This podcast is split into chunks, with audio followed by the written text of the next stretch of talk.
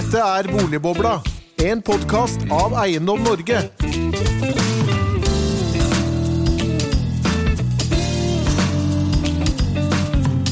Hjertelig velkommen til en ny episode av Boligbobla. Eh, Denne gang boliglovgivning spesial med Christian Dreyer og Erik Lønnesgaard. Og vi har to gjester eh, for å ta oss gjennom boliglovgivningsspesial. boliglovgivning spesial. Det ene er jo da Henning Lauritzen. Velkommen til deg. Eh, Tusen takk. Direktør for interessepolitikk og juss i Norske Boligbyggelagers Landsforbund, NBBL. Og hjertelig velkommen til deg, Silja Andresen, fagsjef og advokat i Helt Forsikring. Tusen takk. Kristian, det er, eh, det er noen ferske forslag til avvenningsloven som ligger til behandling i Stortinget nå, som ble sendt rett før sommeren. Hva er det som skjer, og hva er status? Ja, Forslagene kom på bordet i revidert boligstrategi fra regjeringen rett før sommeren. Eh, Hvor det da var en eh, høringsmøte i august, og nå er det forslag sendt fra Justisdepartementet rett før jul eh, til Stortinget, og skal opp til behandling i Stortinget nå i vårsesjonen i Stortinget. Nå i mars-april skal det både behandles gjennom komiteen, og sannsynligvis også behandles i Stortinget.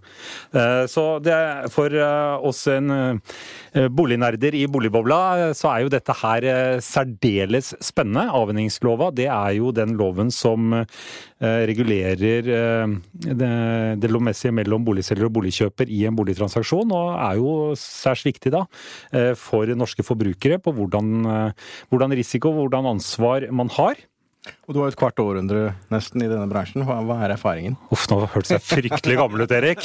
Men det er jo dessverre sant. Eh, Du, du påpekte jo det tidligere i dag, at jeg har 23 år i eh, og jobbet i bolighandel i ulike roller. Både som eiendomsmegler og nå boligpolitisk. Og det er klart at det er, eh, det er en del erfaring man har gjort eh, i, eh, i praksis i denne avvenningslova. Og det, det er eh, relativt små justeringer på en måte i avhendingslova, men den har ganske store konsekvenser for forbrukerne. Eh, Og for å dra det igjennom, så, så er jo det blant disse forslagene, de viktigste forslagene, det er å fjerne muligheten til å ta forbehold, generelle forbehold, vel å merke, ikke konkrete forbehold, men generelle forbehold, eh, som den er forbeholdet, eh, sånn på nynorsk så er det blitt kalt assis, men som den er-forbeholdet betyr jo at eh, man eh, i bolighandelen i dag, den eh, 100% praksisen så å si i bolighandelen i dag, er at den tar som den er-forbehold. Og for å forklare det veldig raskt, eh, en boligselger er jo ansvarlig i dag, og vil også med ny lov være ansvarlig for å eh, opplyse om alt boligselger vet eller burde vite om. Så det vi her snakker om er de skjulte feil og manglene, for boliger har feil som dukker opp i etterkant av at kjøper har overtatt, som har vært skjult, og man er enig om at det er skjult, at dette er ikke noe boligselger eh, visste om eller burde visste om. Så det er et objektivt ansvar det vi snakker om. I dag er dette regulert slik at det skal være en vesentlig mangel for at boligselger skal være ansvarlig, og det er det man da benytter eh, boligselgerforsikringen, den såkalte eierskifteforsikringen, til å forsikre seg vekk fra. Mens er den ikke vesentlig, så er det boligkjøpers risiko. Det eh, foreslår nå Justisdepartementet å eh, endre, slik at man ikke kan ta slike forbehold. Og det vil si at eh, boligselger har et eh, 100% objektivt ansvar for skjulte feil og mangler. Så det, boligselger tar all risiko, med unntak av eh, at man setter et, eh, en terskel på inntil 10 000 kroner i en egenandel, som gjør at eh, er det skjulte feil og mangler eh, i sum, det kan være mange skjulte feil og mangler, men i sum ikke overstiger 10 000, ja, men da er det kjøpers risiko. Men hvis det overstiger 10 000, så vil jo da boligselger være ansvarlig for alt med fratrekk av de 10 000 kronene. Så dette er en total omlegging egentlig av boliglovgivningen, da, eller? Ja, det er jo det. fordi at det er klart at uh, når selgeren i dag er ansvarlig for et, uh, på et vesentlighetsterskel og for en gjennomsnittsbolig, sånn veldig, veldig forenklet Jeg tror alle advokater som kan boligjussen kommer til å arrestere meg nå, men veldig forenklet så har rettspraksis lagt seg på rundt eh, 5 av kjøpesum. For en gjennomsnittsbolig så ligger jo da den terskelen på rundt 200 000 kroner. Relativt høyt, altså. Ja, på en kjøpesum på 4 millioner, så er det 200 000 kroner. Og nå senkes den terskelen fra 200 000 kroner ned til 10 000 kroner i forhold til hva som er boligselgers eh, ansvar. Eh, På, og igjen, det er skjulte feil og mangler vi snakker om, ikke det selger vet eller burde vite om. Det er selger uansett ansvarlig for. Henning, eh, du, du var jo på Dagsnytt 18 her før, før, før, rett før jul og diskuterte dette, og da, og da var du klar på at dette burde sendes tilbake til regjeringen for videre utredning. Hvorfor er du, dere så utrolig kritisk til til dette forslaget?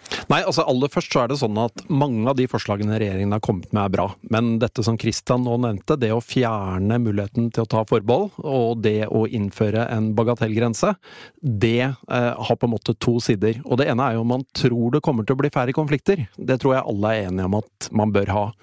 Og jeg tror akkurat spørsmålet det, det dreier seg litt om religion i øyeblikket, fordi regjeringen har ikke utredet det ordentlig, så vi vet egentlig ikke om det kommer til å gjøre det eller ikke. Så det er litt religion. Representerer du kjøpere, så syns du det er kjempebra. Representerer du selgere, så syns du det er forferdelig. Og er du som oss, står i midten og har både kjøpere og selgere, så, så er klart så, så må vi prøve å balansere det. Men vi tror det kommer til å føre til flere konflikter.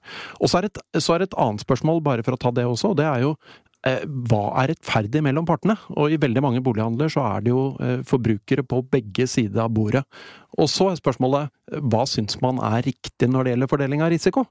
Og her har regjeringen sagt at her skal selger ta all risiko. Det har ikke vi sansen for. Vi syns det er fornuftig at man har en risikofordeling, og at loven burde ta det opp i seg. Og så kan man diskutere om den skal være akkurat der den er i dag, eller om man skal flytte grensen litt. Det, det syns vi er en interessant diskusjon man må ta, men vi syns det er helt gærent å flytte av alt over på selger. Mm. Uh, Silje, dere, dere, representerer jo da um, kjøperne, typisk, med det forsikringsproduktet som dere ser. Dere, dere har ikke vært fullt så kritiske til forslaget? Nei, vi har jo vært veldig spent på hva som skulle komme. Eh, og det har jo vært varslet i over lang tid. Så alle har jo visst at det kommer, det kommer noe, men eh, ingen har jo visst eh, hva. Det som departementet her forsøker, og så kan man jo diskutere om man har tro på det eller ikke, er jo at man har lagd en, en pakke. Man har justert lovens regler med den tanken om at, at, man skal bruke loven som et verktøy for å bedre beslutningsgrunnlaget. Eh, og nå har vi jo hatt avningsloven sånn som den er i dag, i hovedtrekk, da. Eh, lengre tid enn et kvart århundre. Faktisk eh, bitte litt lenger enn Christian har vært i bransjen, og det er jo, det er jo fint. Altså, man kan si at loven, loven, er gammel, og avningsloven har jo også fått, fått blitt si, utnevnt som syndebukk for veldig mye. Men det som vi ser som en helt klar trend, som har drevet med dette her i mange år, og har veldig, veldig stort sakstilfang, er at det man tvister om i dag, eller det som sakene stort sett dreier seg om, er jo faktum. Altså hvem visste hva, hva har du sett, hva ble du fortalt, hvordan er en informasjon å forstå, eh, hvordan skal det tolkes, hva ligger i denne informasjonen, er det en risiko, eller er det bare en, en helt ordinær faktumopplysning? Det er det disse sakene dreier seg om i, i praksis. Um, og insentivet eh, som um, Altså Departementet har da foreslått å justere på reglene. Jeg er ikke helt enig i at det er en stor systemomlegging, fordi det er jo på en måte en justering innenfor det rammeverket vi har. Um, og hensikten er jo at man da gjennom kontraktsrettslige insentiver skal bedre beslutningsgrunnlaget. Man skal øke informasjonsmengden, og ikke minst bedre kvaliteten. Og det, hvis det lykkes, så vil jo det gjøre at eh, potensialet for skuffelse går ned. Det blir færre skuffelser, og dermed færre reklamasjoner og færre konflikter. Og dette er jo en pakke der vi ser jo at det er visste som faktum i hovedsak. Og det er jo da eh, spørsmål om partene i bolighandelen og andre aktører, da typisk takstmenn og meglere, om de kan gjøre noe annerledes for å, for å, bedre på beslutningsgrunnlaget, så at man rett og slett har bedre informasjon om det man kjøper når man velger å gi bud. Eh, og her er det jo en pakke som er foreslått, så de går jo dels på å gi insentiver til selger til å ikke bare opplyse om det man vet, men også eh, ha et åpent blikk og opplyse, finne ut av ting. Og gi mer informasjon. At de insentivene jeg, jeg har, som både ligger i forslaget, vil faktisk gi bedre informasjon? Som en pakke ja. så har jeg tro på at det er et steg i riktig retning på at det vil bedre informasjonsgrunnlaget og vil ta eh, det totale tvistenivået, eller konflikt, konfliktpotensialet ned, da, fordi at man får bedre informasjon. Og vi ser i praksis at det er ofte ikke så veldig mye som skal til før man kunne klargjort forventningene på forhånd. Og det som er viktig her, er jo at det er et tiltak som ikke bare retter seg mot uh, selger ved at man da uh, foreslår å fjerne SIS-muligheten, men det er også en presisering av mangelsbegrepet. Og det er en lovfesting av plikten til å sette seg inn i eh, informasjon som gis. Det er for så vidt regler som gjelder allerede i dag, men, men, det er kanskje mer på det pedagogiske planet at man eh, løfter det opp, og for å kommunisere det ut til befolkningen. Men kan, du, kan du gå dypdykke litt grann i hva eh, For å presisere mangelsbegrepet, det er en et juridisk term som jeg tror en del av lytterne ønsker at du utdyper litt mer. Hva, hva, hva er det som blir presisert i det forslaget som ligger til grunn nå, og hvorfor er det bra? Ja, så at man forklarer eh, For det første så går det jo på at man eh, gjennom takstrapporter som skal reguleres, eh, går mer på det konkrete på den enkelte eiendom. Men også at man da presiserer at det forventningen man har, det har også sammenheng med boligens alder, hvordan han fremstår, hvordan han er brukt. Ikke sant? Altså det generelle. Når han er bygget, hva som var byggeskikk og regler på den tiden, osv. Så videre. sånn at man Det er klart man har andre forventninger til noe som er bygd i fjor, kontra noe som er bygd før krigen.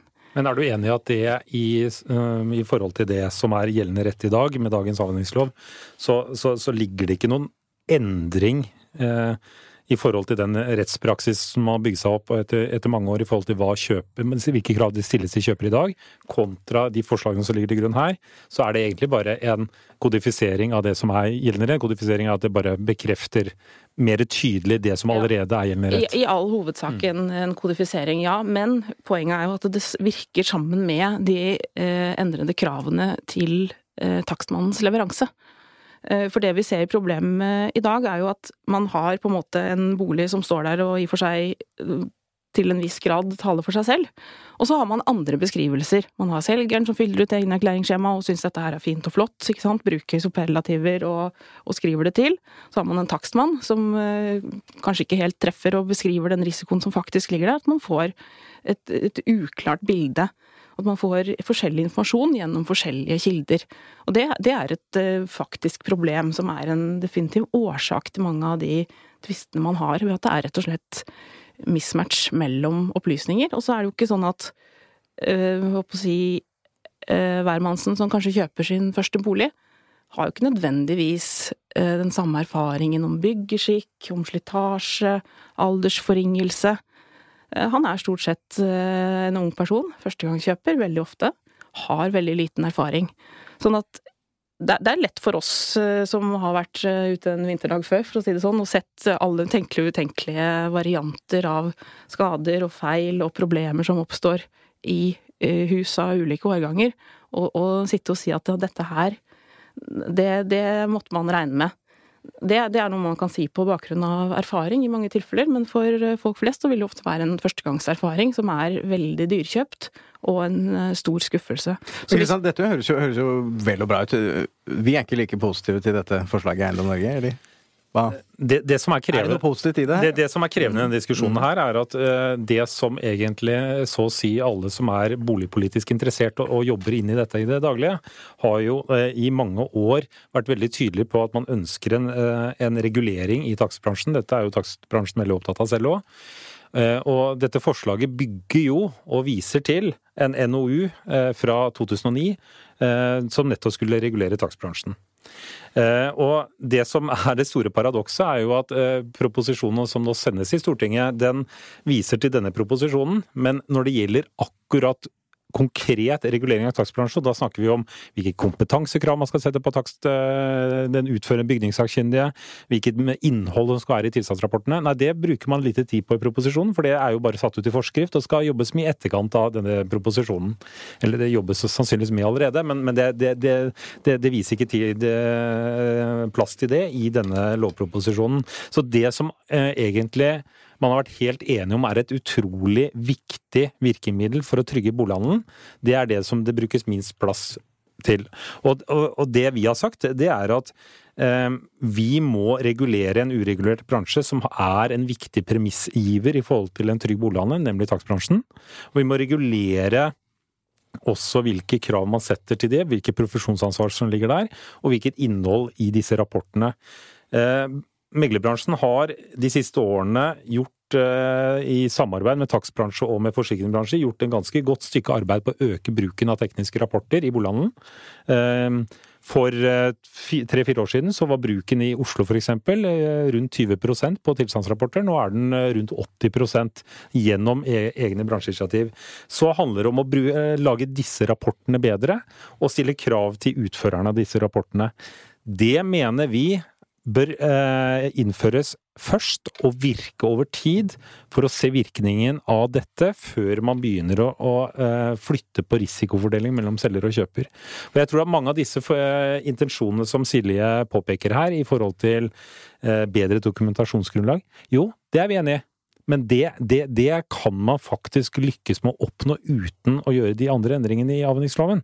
For de, andre endringene i avhendingsloven, de er ikke utredet.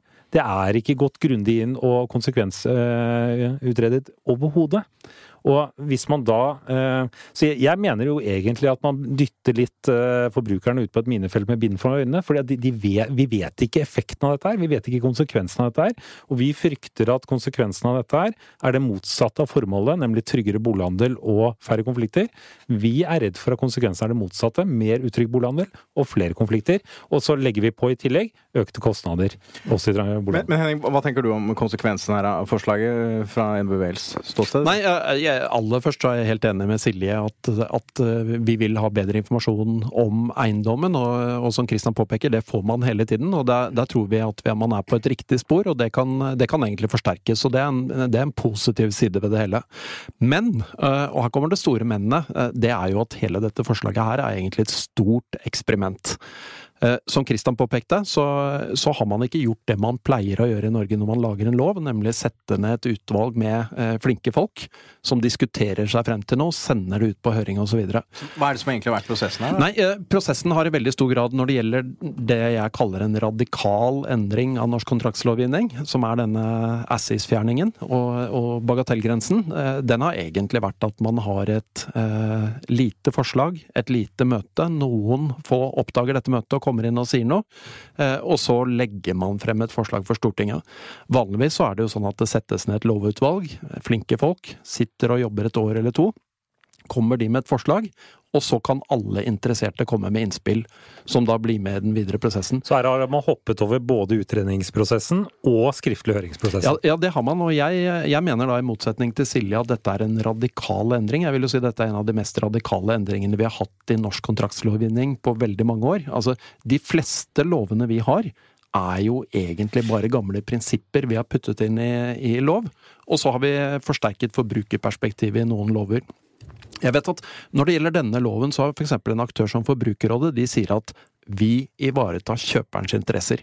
Vi mener jo at man må ivareta både kjøperen og selgerens interesser. Altså, De er begge forbrukere i de fleste bolighandler. Og, og derfor syns vi det er veldig merkelig i tillegg at man, man eh, flytter all risikoen over på den ene parten. Altså, De fleste kjøper og selger bolig omtrent samtidig, så da, da er liksom den dagen du selger boligen din, du er en 80 år gammel dame som skal selge boligen din, så er du på en måte den parten som skal behandles veldig strengt. Og så går du og kjøper deg en leilighet eh, like etterpå, og da blir du behandlet veldig snilt. Dette er noe vi ikke helt skjønner. Men Hva er din take på dette med, med risikofordelingen mellom kjøper og selger i forslaget? Eh, er du ikke med på det, eller? Nei, jeg, jeg, deler ikke helt uh, tolkningen av dette. For det første så er jo den, uh, den regelen som nå er foreslått som, uh, som, obligatorisk, det er jo det som er hovedregelen. Den formelle hovedregelen, riktignok. Ikke den praktiske, men det som var ment å være hovedregelen i den havningsloven som vi har gjeldende per i dag. Og så har jo praksis utviklet seg sånn at man i større og større grad har tatt Assis-forbehold. Og man skal ikke så veldig mange år tilbake før man så kontrakter hvor det ikke var tatt Assis-forbehold, og det, hvor det var faktisk en del flere tilfeller spørsmål har man tatt forbehold eller har man ikke. Det var ikke så, det var ikke så sjelden. Man skal ikke så fryktelig langt tilbake i tid. Eh, men så har man jo fått en, definitivt en profesjonalisering sant, på selgersiden. Alle i praksis bruker eiendomsmegler, og det har jo sine opplagte fordeler for å gjøre bolighandelen sikrere, etter min oppfatning. Eh, men det gjør også at selgere får hjelp til og i praksis i alle tilfeller ta dette forbeholdet på en, på en riktig og tydelig måte og tidsnok, ikke sant? i motsetning til før. Når det er sagt, så er det også viktig å eh, på en måte plassere hva, hva, hvor er det den risikoforskyvningen kommer inn. Jo, det er jo de eh, mindre eh, vesentlige forholdene, altså de mindre sakene relativt sett. Ehm, som da Hva du mener med de mindre sakene? Altså de som ikke eh, når opp i den vesentlige terskelen ja. som, som, eh, gjelder hvis man har avtalt Assis. Og for å på en måte forklare det, så er jo viktig å ha klart for seg. Og der er det dessverre en god del rettstvil for alle slutt og går blant folk flest. eh, at denne vesentlighetsterskelen, den, den gjelder jo ikke i alle tilfeller. Den gjelder bare for de tilfellene som du eh, er i, som selger ikke er i opplysningssvikt. Det gjelder ikke noe altså noen vesentlighetsterskel i de tilfellene hvor han har holdt tilbake opplysninger. eh, Bevisst eller ubevisst, men, Mm. ikke sant? Eller hvor han har gitt en uriktig opplysning. Da, da gjelder det en, i en prinsipp en nulltoleranse, kun et Så det er bare krav de om feilene som altså ingen kan be- bebreides De for? ja. som ingen kan bebreides for, det som ofte kalles, det er jo egentlig litt misvisende begrep, for skjulte feil. Mm. Fordi kjøperen ser det jo fra sin eh, ståsted ikke sant, og tenker at det var skjult for meg. Ja. Eh, ikke sant? Så det er jo et sånt begrep som vi ser oss litt blinde på, vi som opererer i jussens verden. Fordi det er så innarbeidet, er ikke Henning? Jeg er enig, Henning. Jo, jeg skjønner selv Eh, Men eh, altså skjulte mangler, i den forstand at selger ikke er å bebreide. Så det er jo altså de eh, store skjulte eh, manglene, kontraktsmessig avvikende, og nå snakker vi ikke da nødvendigvis om skader eller feil, men vi snakker om kontraktsbrudd, som er betydelige. De hefter jo selger for også i dag. Så det er de som er mindre enn det. Eh, og, og det som er en konsekvens av den vesentlighetsterskelen vi har i dag, er jo at mange av de eh, reklamasjonssakene som oppstår, så er det helt nødvendig for kjøper å påvise at eh, selger har brutt opplysningsplikten sin. Og det trigger jo eh, Det gjør at det blir mer eh, skal vi si, temperatur og personfokus, illojalitetsfokus, enn det kanskje nødvendigvis hadde trengt å være.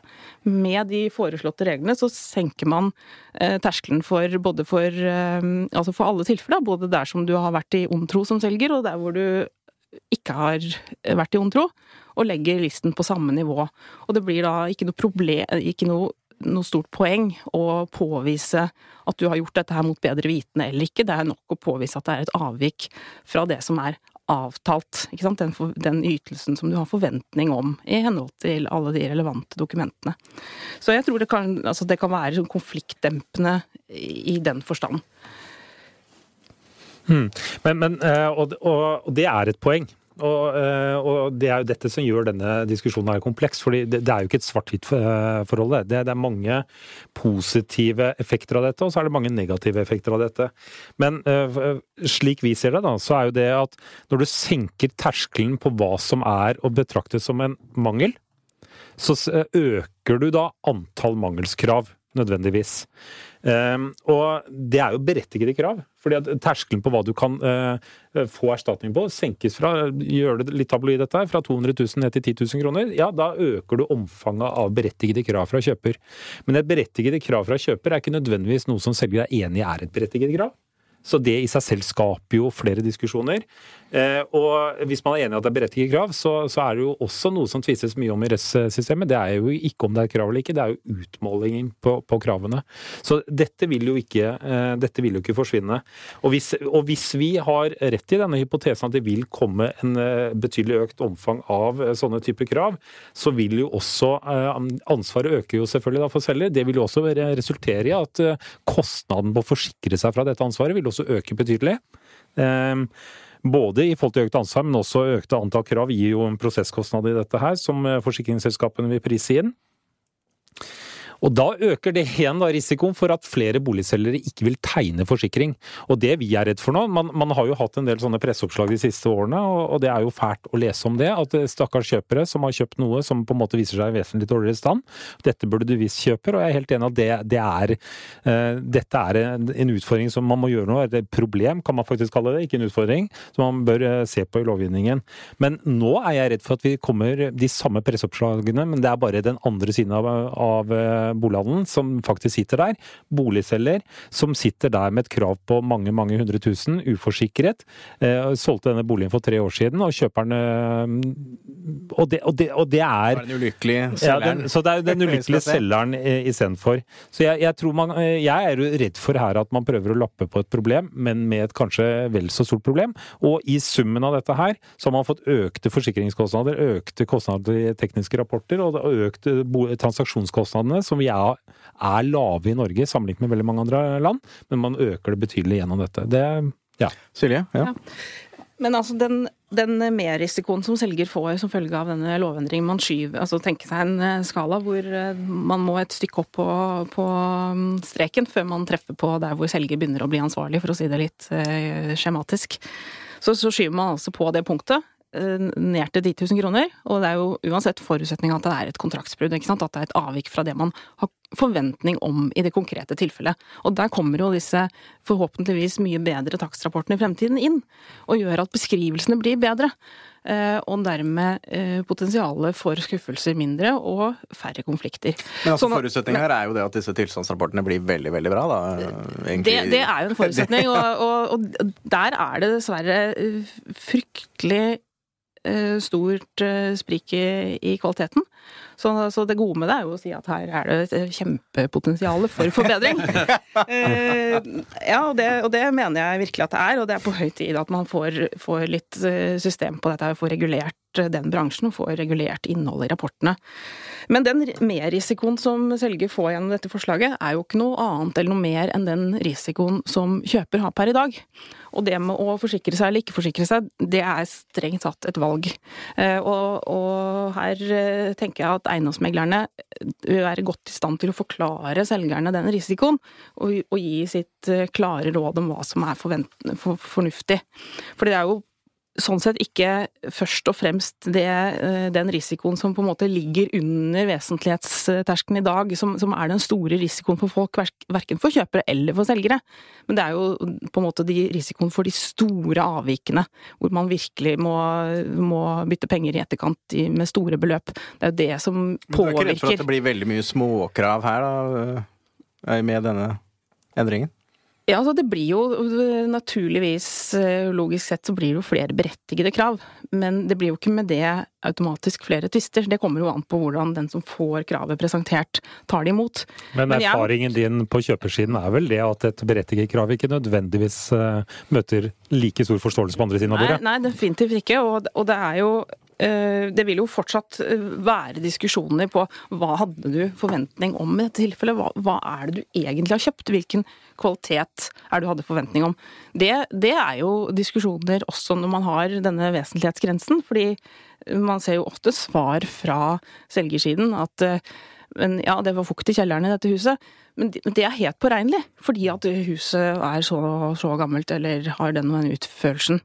Ikke sant? Altså Allerede nå så argumenteres det med at det er jo ikke noe kontraktsmessig avvik. så Det er ikke noe, det er ikke noen nye diskusjoner. De kommer, til å, altså, de kommer jo ikke til å forsvinne. Men jeg tror heller ikke at det blir flere. Og på grunn av at informasjonsgrunnlaget blir bedre og tydeligere og mer forklarende, så vil potensialet for skuffelser eh, bli tatt ned. Henning? Nei, jeg syns Silje er inne på eh, det som kanskje er mange måter er kjernen her. Altså det blir flere berettigede krav.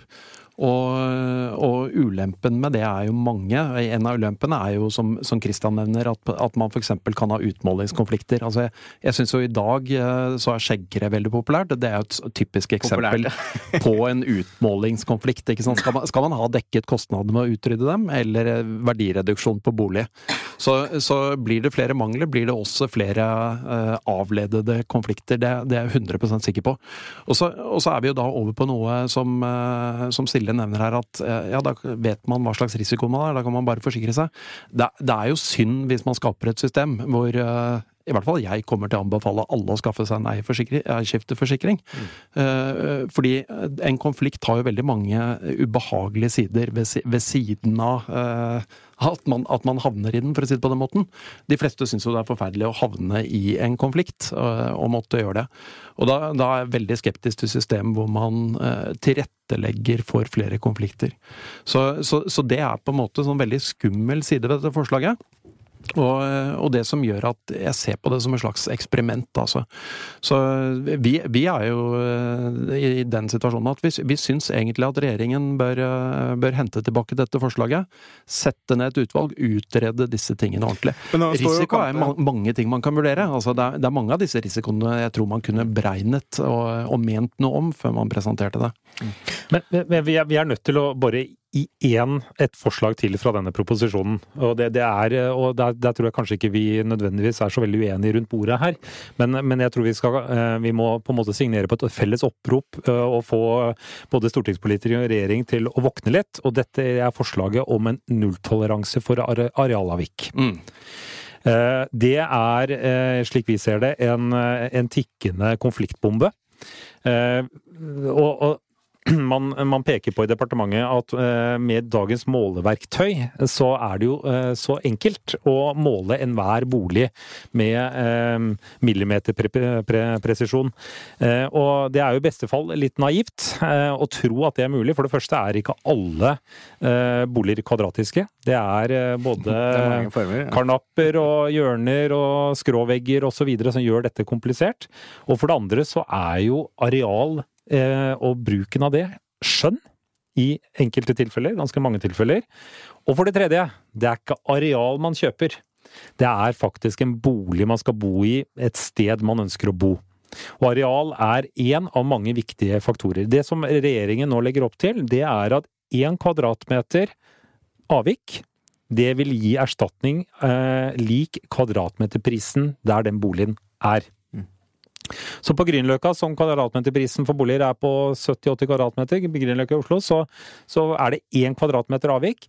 Selv om du har vært på visning, du, den har to soverom og ikke tre soverom, så får du 70 000-80 000 kroner i erstatning på det, den ene kvadratmeteren. Vi syns det er helt hårreisende, eh, og i hvert fall hårreisende at det er en boligselger som Eh, skal lide på bakgrunn av dette, fordi vi vet med 100% sikkerhet at den boligkjøperen hadde kjøpt boligen til akkurat samme pris som den hadde hatt 57 eller 58 kvadratmeter. Så markedsverdien er riktig satt i sånne type tilfeller.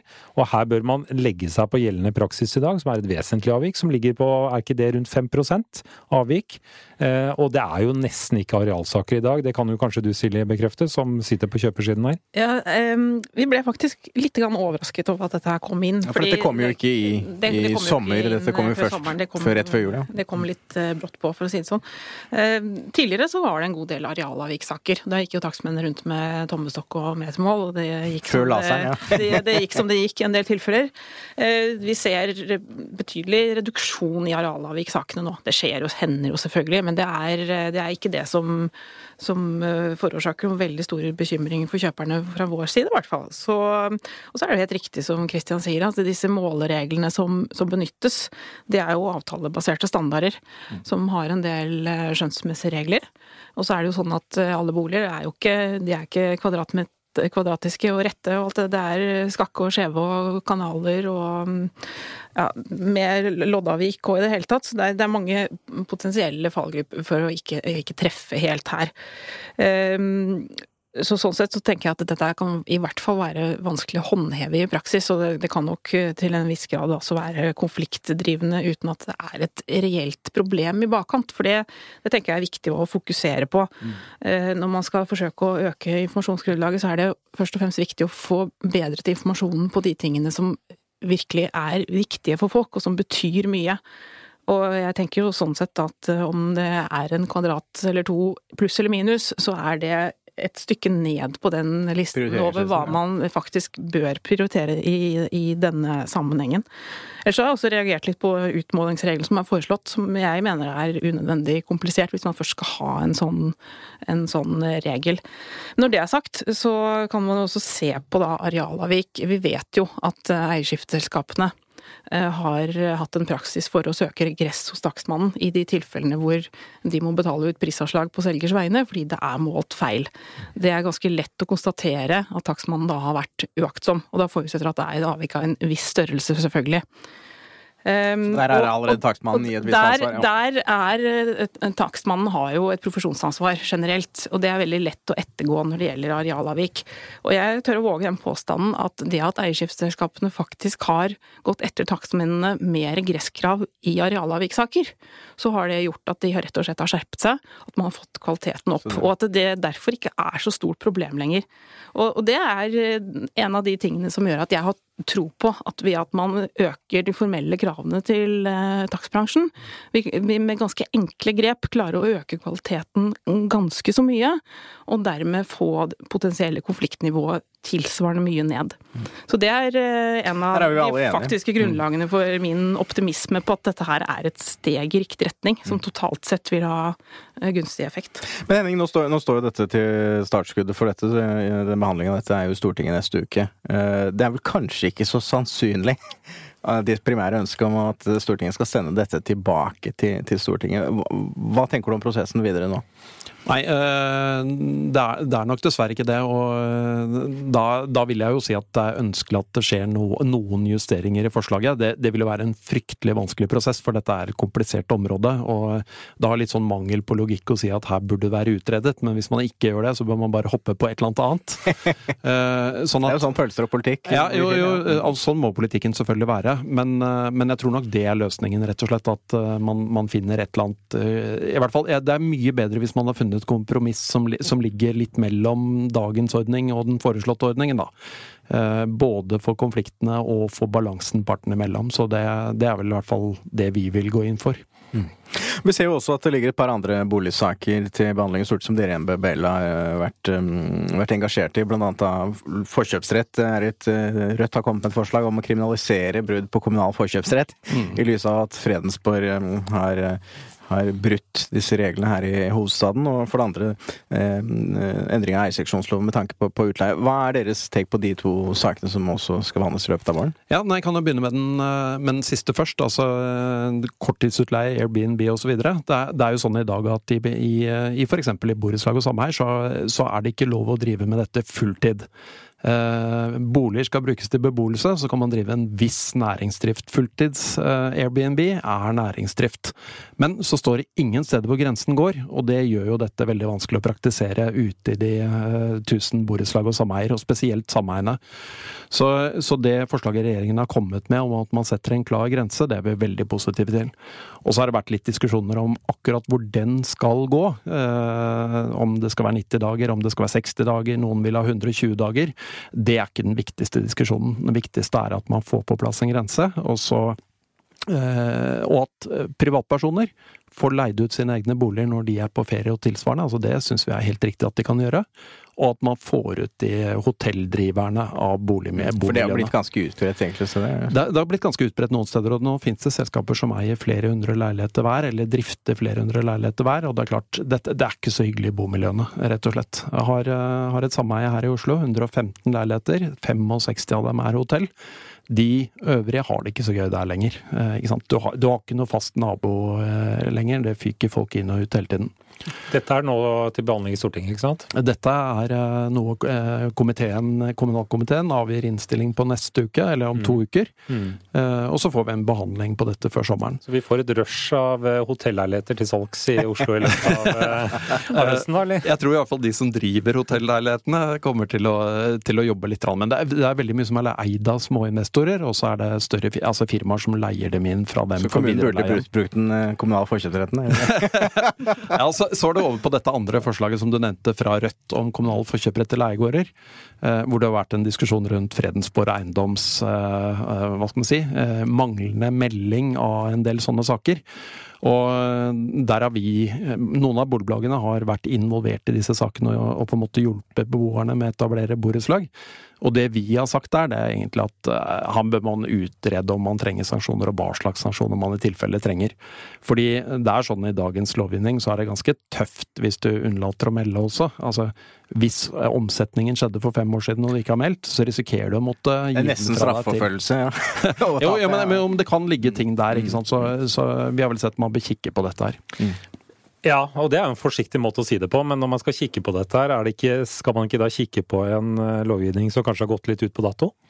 Det er jo et spørsmål som eh, Altså, eh, advokater som representerer eiendomsbesitterne, de, de vil jo ofte komme de med det synspunktet. De lever godt av dette. ja, jo, jo men, men, det er klart, de vil komme med det synspunktet. Jeg tror det man kan si er at eiendomstransaksjoner ble mye mer komplisert da man flyttet fra å selge bygårder til, til å selge eiendomsaksjeselskaper. Og det gjorde hele dette området mer komplisert for alle parter. Eh, og så er jeg for så vidt ikke uenig i deg at man må se på om det er et behov for en sånn lov lenger. Eh, det for jeg tenker jo Hele hensikten med loven er jo det at kommunen skal kunne da skaffe seg utleie eller boliger til studentboliger osv. Men kommunene driver jo ikke med dette lenger. Nei, det, Her varierer det litt. fordi eh, F.eks. hvis man ser på den praksisen Oslo kommune mm. historisk har hatt, så har det hovedsakelig gått på at man har brukt forkjøpsretten på vegne av leieboere. Mm. Og så har kommunen i noen noen situasjoner kjøpt på egne vegne hvor de har hatt spesielle behov. Altså krigen i tidligere Jugoslavia kjøpte Oslo kommune flere bygårder for de skulle bosette hauger av flyktninger samtidig. Eh, så det har kommunen unntaksvis gjort. Eh, og så har det vært sånn at de siste årene så har omsetningsprisen på eiendomsaksjeselskapene vært så høy at jeg tror det har vært ganske uaktuelt for mange å kjøpe dem. Altså det er billigere å kjøpe deg enkeltbolig, mm. rett og slett. Da er det bedre å finansiere oppkjøp gjennom boligbygg. Så det, det, så det, var jo svært mye billigere. Men hvordan er praksisen da i de andre kommuner, som Bergen og Trondheim? Og... Nei, altså Bergen og Trondheim er de to andre kommunene vi, i hvert fall vi kjenner til har brukt denne loven. Jeg har ikke noe oppdatert kunnskap om, eh, om hvordan dette håndteres nå. Det, det er jo som du påpeker at antall leiegårder går ned, så man kommer til å komme til punkt en gang i tiden hvor eh, At det ikke er flere leiegårder, såkalt leiegårder igjen? Ja. Nei, ikke så mange igjen i hvert fall. Fordi at det er et smutthull her i, i lovgivning, er det ikke det? Ja, det, er, det er eh, sånn at hvis en gård er seksjonert, så omfattes den ikke av leiegårdsloven eller lov om kommunal forkjøprett til leiegårder. Og så var det jo sånn at eh, den nye eierseksjonsloven kom for et drøyt år siden, så fjernet man kjøpers, altså bolig, leietakers forkjøprett i eierseksjonsloven. Så i dag finnes det egentlig et smutthull som kan benyttes. Det smutthullet tror jeg kanskje ikke var helt politisk uh, tilsiktet. Jeg tror, jeg tror, ikke man tenkte på leiegårdsloven når man endret uh, eierseksjonsloven, men det var helt klart tilsiktet at man fjernet forkjøpretten i eierseksjonsloven. Mm. Så, uh, så, det er sånn som vi har sagt at det får politikerne kikke på hvis man mener at det smutthullet ikke skal være der. For ellers så vil, tror jeg, leiegårdsloven visne av seg selv, for da vil jo alle seksjonere. Mm. Plutselig er det ikke flere eiendommer igjen. Nei, men dette, dette, illustrerer jo veldig godt eh, behovet for samordning også i eh, departementsstrukturen, som eh, Vi har jo samarbeid med, med NDBL og Boligprosenten i et felles uh, brev til statsministeren, hvor vi oppfordrer til sterkere samordning av boliglovgivningen. og Dette er et eksempel på hvor to lover har en, har, en, sammenheng som man kanskje ikke ser, mm. og gjør fornuftige justeringer, men har en konsekvens som man ikke helt så komme. Så vi håper jo at man eh, gjør alvor av å legge enda flere sentrale lovverk til eh, Kommunaldepartementet. Og vi eh, har jo vært hos Monica Mæland, Henning, og presentert dette synet sammen med dere, blant annet. Og vi håper at de følger opp dette her nå i praksis. Vi må begynne å gå inn for landing. Vi har noen faste spalter her også. Tiden går fort. Tiden går veldig fort når man har det gøy i det boligbobla. Og vår første faste spalte, og da kan vi spørre deg først, Silje. Um, ditt første boligkjøp, uh, husker, du, husker, du, hvor det var? Hva betalte du, og var det skjeggkre der? ja, jeg husker det veldig godt. Det var en liten toromsleilighet i Stokklets gate på Sagene som faktisk vokste to kvadratmeter fra vi kjøpte den i 2001 til vi solgte den i 2003. Så du burde egentlig betalt penger tilbake til boligselger, du da? Nesten. Eh, og jeg var jo såpass samvittighetsfull at jeg syntes dette var litt uh, skummelt, så jeg fikk takstmannen til å kontrollmåle. Og, og, årsaken var rett og slett at det var en bærevegg som var veldig tykk, og det var en lang vegg, så den utgjorde jo da et par kvadratmeter. Men den var altså så lite tykk at den var akkurat innenfor det som skulle være måles. Mens han forrige takstmann takstmannen som takserte da vi kjøpte, han hadde bare målt de innvendige rommene. Så det er et eksempel på eh, hvor, hvor små marginer, eh, som, eller hvilke forhold som kan slå ut, og særlig i gamle bygg. Mm. Um, på akkurat det. Arealavvik i praksis, altså. Mm. Prisen var 1 million og 70 000, tror jeg. Kjøpt før visning. Oh, oi, oi, oi. Kuppet. Kuppet. Ja. Hei, shame on you. Men, Men uh, ja, Og du da, Henning? Ja? Nei, det er nesten på samme pris som Silje. 1 million og 20 000. Det var en uh, leilighet på Østerås. Vi hadde, der, Den gangen fantes det ikke sjekkere i Norge, men den hadde sølvkre. Så ja, ja. den hadde en form for kre, rett og slett. Mm. Og de brydde vi oss ikke så mye om. Vi så dem sjelden, og savner dem litt fortsatt. Mm. Sølvkre er jo faktisk eh, kanskje mer alvorlig å få enn skjeggkre, for sølvkre eh, er ofte tegn på fukt. Mens skjeggkre, de bare går rundt og koser seg. Skjeggerne går jo bare rundt og koser seg, ja. Så, så disse skjeggelige husdyr ja. På den annen side så blir det flere og flere, så jeg vet ikke. ja. Jeg vet ikke ja. hva du foretrekker, Christian. Nei da. Det... Men eh, Erik, eh, du har også en spalte du har lyst til å legge fram? Ja, vi har jo alltid en boble, og det kan jo være litt positivt, litt negativt. Um, denne gangen er det altså Høyres ordførerkandidat eh, Jon Peter Hernes som får ukas, eh, eller måneden-episodens boble, for altså da kommunalt garantifond for førstegangskjøpere som ikke har foreldre til å hjelpe seg inn på boligmarkedet. litt positivt, litt negativt. Først og fremst veldig kreativt. Uh, vi vet ikke hva Finanstilsynet om de er så veldig tilhengere av denne omgåelsen av boliglånsforskriften, men vi vet jo Christian, at løsningen på dette det ligger jo i vår skattereform. Som er å bytte ut uh, dokumentavgift og kommunal eiendomsskatt med full verdsetting av primærbolig. Da blir det billigere og lavere terskel for alle. Så neste episode Ga du akkurat boblen tilbake til deg selv? Ja, jeg ga boblen tilbake til meg selv. Neste episode det blir jo litt i den ånden. For da er jo Eiendom Norge-konferansen. Det er den 28. mars, og vi får besøk fra over dammen fra IMF og landsjef for Norge, Jacques Binian. Han kommer i vår neste boligboble. Så da er det bare å lese seg på engelsken, så da blir det en eh, boligboble på engelsk. så da blir det housing bubble. Takk til eh, Henning Lauritzen og Silje Andresen eh, og denne litt sånn nerdete boligbobleepisoden. Det, det, det syns jeg var veldig gøy, jeg håper lytterne også syns det var gøy. Og vel møtt til neste gang.